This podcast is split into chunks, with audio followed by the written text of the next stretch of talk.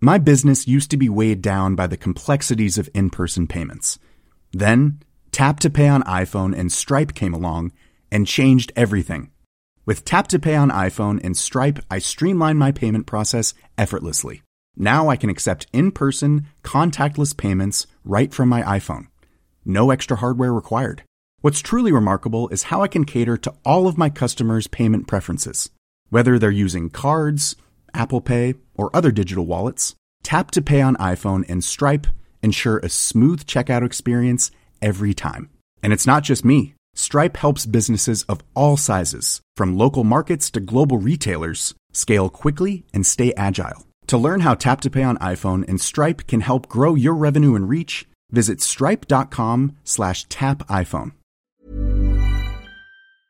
Hans Petter og Co. presenteres av Adlink, sannsynligvis Norges beste samling av kreative og positive influensere innen sosiale medier og podkast. Gå inn på adlink.no for å finne frem til den influenseren eller den podkasten som er en perfekt match til din merkevare og publikum nå.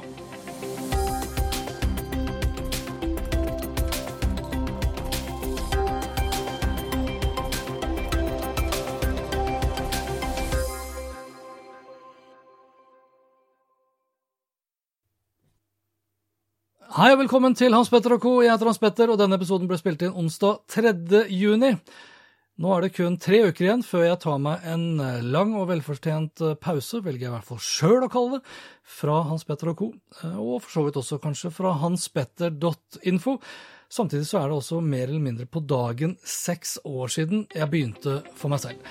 Lenker til alt jeg har snakket om og øvrige innslag finner du som alltid på hanspetter.info.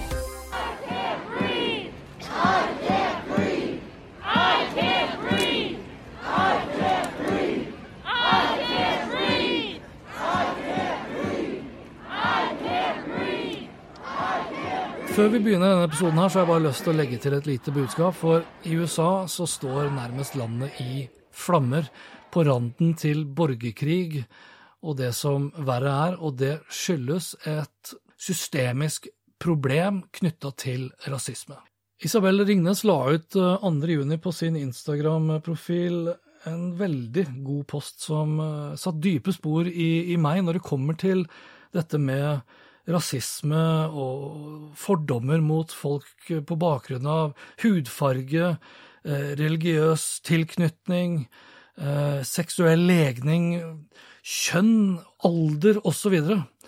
Hvor, hun, hvor hun da la ut et bilde med et sitat fra Angela White Davis, hvor, hvor det står veldig kort, men samtidig også veldig virkningsfullt. It is not enough to be non-racist, we must be anti-racist. Og det, altså det holder ikke å bare si at nei, jeg er ikke rasist.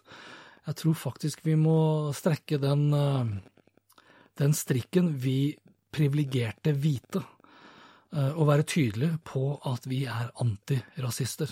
Og her er det jo egentlig viktig å tenke på at liksom én person kan ikke gjøre alt, men vi kan alle sammen gjøre litt for at ikke bare rasisme, men egentlig alle former for fordommer, alt som er med på å begrense egentlig likeverd og menneskerettigheter, ja, det burde vi faktisk gjøre en større innsats for, og her gjør jeg på ingen som helst måte nok. Jeg vet ikke helt hva jeg skal gjøre, annet enn at jeg skal i hvert fall i de tilfeller hvor det, hvor det er riktig, eh, hvor, ikke bare der hvor det føles riktig, men hvor det er viktig, så tror jeg det er viktig i hvert fall å ikke bare være stille, men si ifra. Så det her er min lille måte å si ifra. Vær antirasist. Og vær tydelig på det.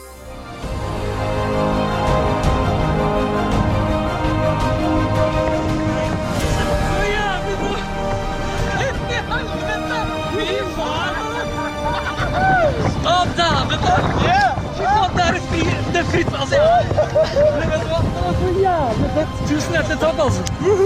Oh, How was it? motherfucker, det var helt insane! You wanna do again? I'm gonna do it several times. Again. Me too. Okay, nice to see you.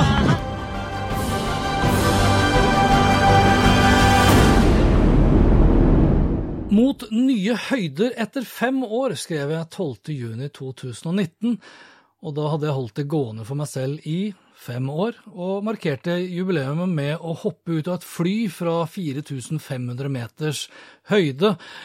Og det du hørte lyden fra, ja, det var da jeg hadde landet trygt og godt på bakken igjen. Og så må jeg bare beklage alle de franske glosene, men i det øyeblikket der så var jeg mildt sagt full av adrenalin og veldig høyt oppe, pun intended.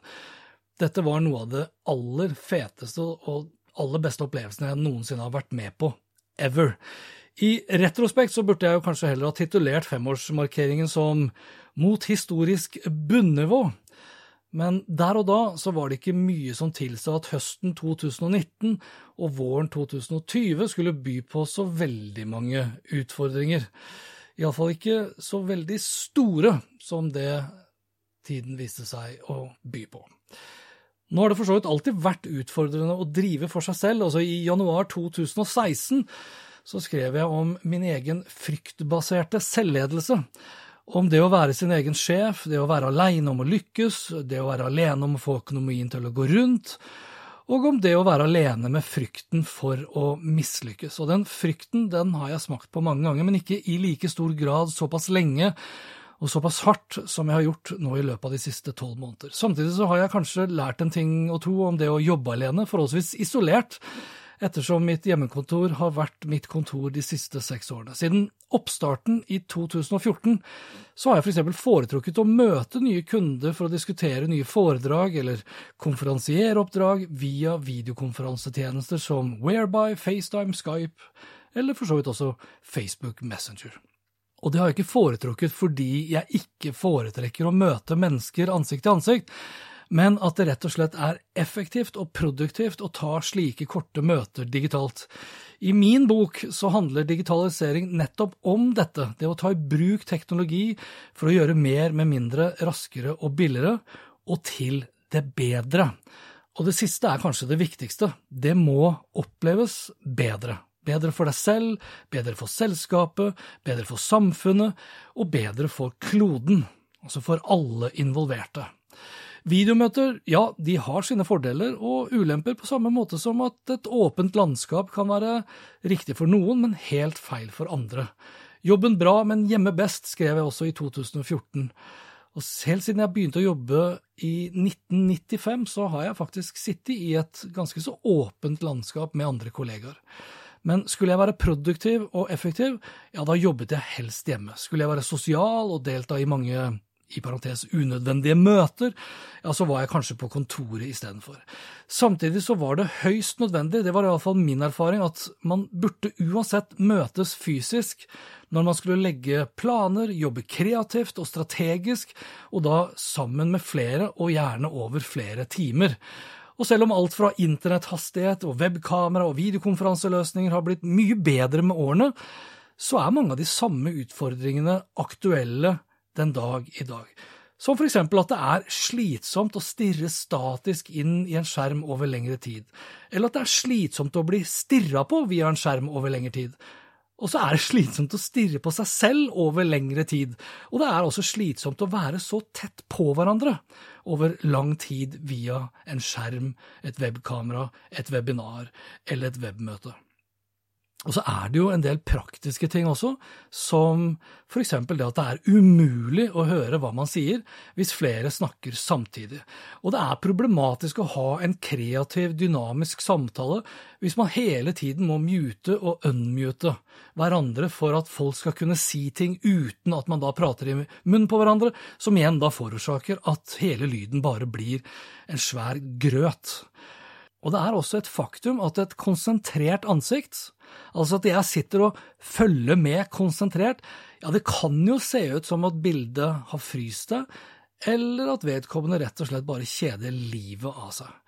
Og det er begrenset deltakelse fra deltakerne når man kun har lyd og visuelle sanser å forholde seg til. Webinarer og webmøter introduserer også en veldig brå overgang, altså veien inn til et vanlig møte, et vanlig seminar, et foredrag, en konsert, eller en fotballkamp for den saks skyld, er en overgang hvor man kan chit-chatte før alvoret starter. Videomøter og webinarer er digitale. I det ene sekundet så sitter du kanskje og skriver på en mail, i det andre sekundet ja, så har webinaret startet. I starten av koronakrisen så lå det et slags sånn mystisk slør over det å være f.eks. på skolen hjemme, eller det å jobbe hjemme, det å være hjemme, punktum. Vi traff f.eks. på venner vi ikke hadde sett på lenge via Zoom eller Teams, og mediene skrev også selvfølgelig da mange saker om Zoom-middager, Zoom-fester, og norske artister holdt eh, gratiskonserter på Facebook. Samtidig som alle oppdragene mine ble kansellert, så dukket det også opp hundrevis av gratiswebinarer å delta på. På rekordtid så ble Norge, i gåstein, digitalisert. Og på rekordtid så ble vi også drittlei av de samme webinarene og Facebook livesendingene. Og kidsa, som elsket å veksle mellom Teams og Fortnite, ja, de begynte fort å savne skolen og den sosiale omgangen som aldri før digitaliseringen av skolen viste seg f.eks. å ikke være til det bedre. Samtidig så har vi jo fått lære, da, the hard way, det å sette pris på det vi alltid har tatt for gitt, nettopp det å kunne være fysisk sammen. Jeg er straks tilbake. Hiring for your small business? If you're not looking for professionals on LinkedIn, you're looking in the wrong place. That's like looking for your car keys in a fish tank. LinkedIn helps you hire professionals you can't find anywhere else, even those who aren't actively searching for a new job but might be open to the perfect role. In a given month, over 70% of LinkedIn users don't even visit other leading job sites. So start looking in the right place. With LinkedIn, you can hire professionals like a professional. Post your free job on linkedin.com slash achieve today. My business used to be weighed down by the complexities of in-person payments. Then, Tap to Pay on iPhone and Stripe came along and changed everything. With Tap to Pay on iPhone and Stripe, I streamlined my payment process effortlessly. Now I can accept in person, contactless payments right from my iPhone. No extra hardware required. What's truly remarkable is how I can cater to all of my customers' payment preferences. Whether they're using cards, Apple Pay, or other digital wallets, Tap to Pay on iPhone and Stripe ensure a smooth checkout experience every time. And it's not just me. Stripe helps businesses of all sizes, from local markets to global retailers, scale quickly and stay agile. To learn how Tap to Pay on iPhone and Stripe can help grow your revenue and reach, visit stripe.com/tapiphone. tap. Koronakrisen har satt sine økonomiske spor og diverse andre spor hos mange, meg inkludert. Høsten 2019 var utfordrende for min egen del, og kanskje mest av alt også på grunn av meg selv. Og raskt så innså jeg at jeg rett og slett måtte fornye meg. Flytte litt fokus, lage noen nye foredrag, reposisjonere meg. Rett og slett uh, shake opp hele uh, min egen forretningsmodell. Og det trengte jeg også kanskje, og det fortjente jeg kanskje også, etter at jeg da i godt over fem år hadde gjort veldig mye av det samme. Men det er som de sier, det som ikke tar livet av deg, det gjør deg sterkere. Og derfor følte jeg meg også mye sterkere og langt mer positiv ved inngangen til 2020. Optimismen var tilbake, pipelinen så bra ut, budsjettet var smurt litt mer utover brødskiva enn tidligere, jeg hadde rett og slett flere bein å stå på, og de beina jeg sto på, ja, de så ut til å være gode for resten av året. Men så kom covid-19, og resten er historie. Men jeg har ingen planer enn så lenge om å legge inn årene, samtidig så har jeg heller ingen planer om å satse på webinarer. Og her gråter jeg på ingen som helst måte for min syke mor, som for øvrig er svært frisk. Covid-19 er ingen katalysator for digital disrupsjon av verken foredragsholdere, standup-komikere, musikkartister, idrettsutøvere eller en middag i gode venneslag. På samme måte som at skolebarna gleder seg over at skolen nå går tilbake til normalen, ikke den nye normalen, den normalen, ja, så gleder jeg meg veldig til å stå på en scene igjen. Jeg gleder meg veldig mye til å dra på en konsert igjen, eller til å dra ned på Aker Brygge og Latter og le meg i hjel, sittende som en del av et publikum, og jeg gleder meg også til å kunne dra og se en fotballkamp.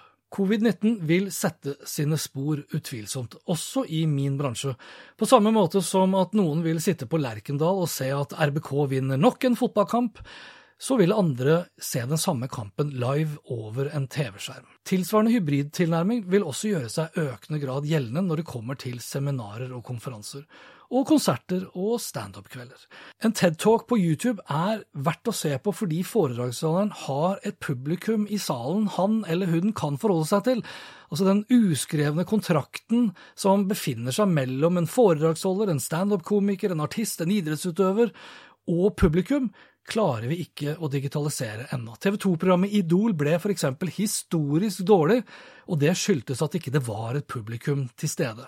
Stian Blipp sin applausmaskin på Senkveld klarte heller ikke å erstatte kvaliteten et publikum klarer å tilføre Helene og Stian til å gjøre rett og slett en bedre jobb som programledere.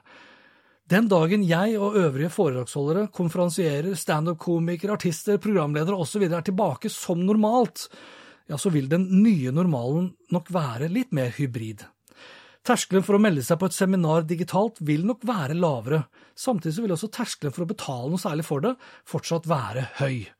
Det som foregår mellom et menneske på en scene eller en idrettsarena, er mye mer enn bare det øyet kan se og øret kan høre, og de to sansene er for så vidt også forholdsvis enkle å digitalisere, men det skaper på ingen som helst måte en like god brukeropplevelse. Det skaper heller ikke de samme gode følelsene, den samme gleden, inspirasjonen eller motivasjonen.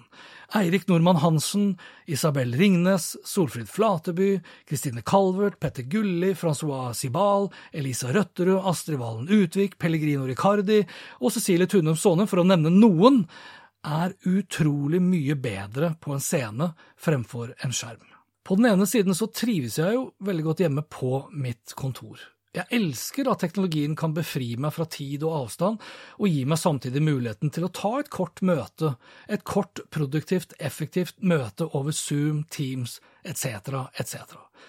Men på den andre siden så er det ingenting som gir et større kick enn å formidle det jeg brenner for, foran et ekte publikum, med alt det medfører av øyekontakt, smil, latter, risting på hodet, folk som sitter og strikker, altså den dynamikken, den kontakten, den energien og det engasjementet klarer vi rett og slett ikke å få over en skjerm. Og sakte, men sikkert så vil vi jo forhåpentligvis finne tilbake til scenen igjen men det kommer til å ta tid. Lengre tid enn det jeg tør å håpe på. 2020 kommer til å bli mitt annus horribilis. Det er jeg sånn ca. 100% sikker på. Og det vil du nok også kunne se på proff.no etter hvert også.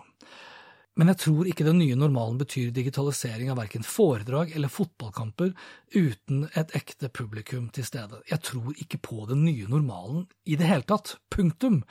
Tvert imot så er jeg overbevist om at hvis det er én ting vi har lært av å være isolert foran en skjerm over lengre tid, ja, så er det hva det ikke vil kunne erstatte.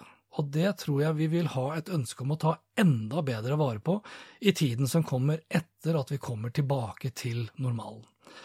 Så får vi se da om jeg får mer rett denne gangen enn da jeg hoppet ut av et fly i 4500 meters høyde for ett år siden. Og det var dette, faktisk, for denne gangen. Lenker til alt jeg snakket om og øvrige innslag ja, det finner du på aspetter.info. Og likte du det du hørte og vil forsikre deg om at du får med deg de neste episodene, da kan du bl.a. abonnere på Hans Petter Co. på Apple Podcaster. Ellers er podkasten også tilgjengelig på Spotify, Acast, Google Podcast, Overcast og TuneIn Radio. Inntil neste gang, vær nysgjerrig. Det er den beste måten å møte vår digitale fremtid Hans Petter og Co. presenteres av Adlink, sannsynligvis Norges beste samling av kreative og positive influensere innen sosiale medier og podkast. Gå inn på adlink.no for å finne frem til den influenseren eller den podkasten som er en perfekt match til din merkevare og publikum nå. Hey, it's Danny Pellegrino from Everything Iconic. Ready to upgrade your style game without blowing your budget? Check out Quince. They've got all the good stuff, shirts and polos, activewear and fine leather goods all at 50 to 80% less than other high-end brands. And the best part? They're all about safe, ethical, and responsible manufacturing. Get that luxury vibe without the luxury price tag. Hit up quince.com slash upgrade for free shipping and 365-day returns on your next order. That's quince.com slash upgrade. My business used to be weighed down by the complexities of in-person payments. Then, Tap to Pay on iPhone and Stripe came along and changed everything. With Tap to Pay on iPhone and Stripe, I streamline my payment process effortlessly. Now I can accept in person, contactless payments right from my iPhone. No extra hardware required. What's truly remarkable is how I can cater to all of my customers' payment preferences. Whether they're using cards, Apple Pay, or other digital wallets, Tap to Pay on iPhone and Stripe ensure a smooth checkout experience every time. And it's not just me. Stripe helps businesses of all sizes, from local markets to global retailers, scale quickly and stay agile. To learn how Tap to Pay on iPhone and Stripe can help grow your revenue and reach, visit stripe.com slash tap iPhone.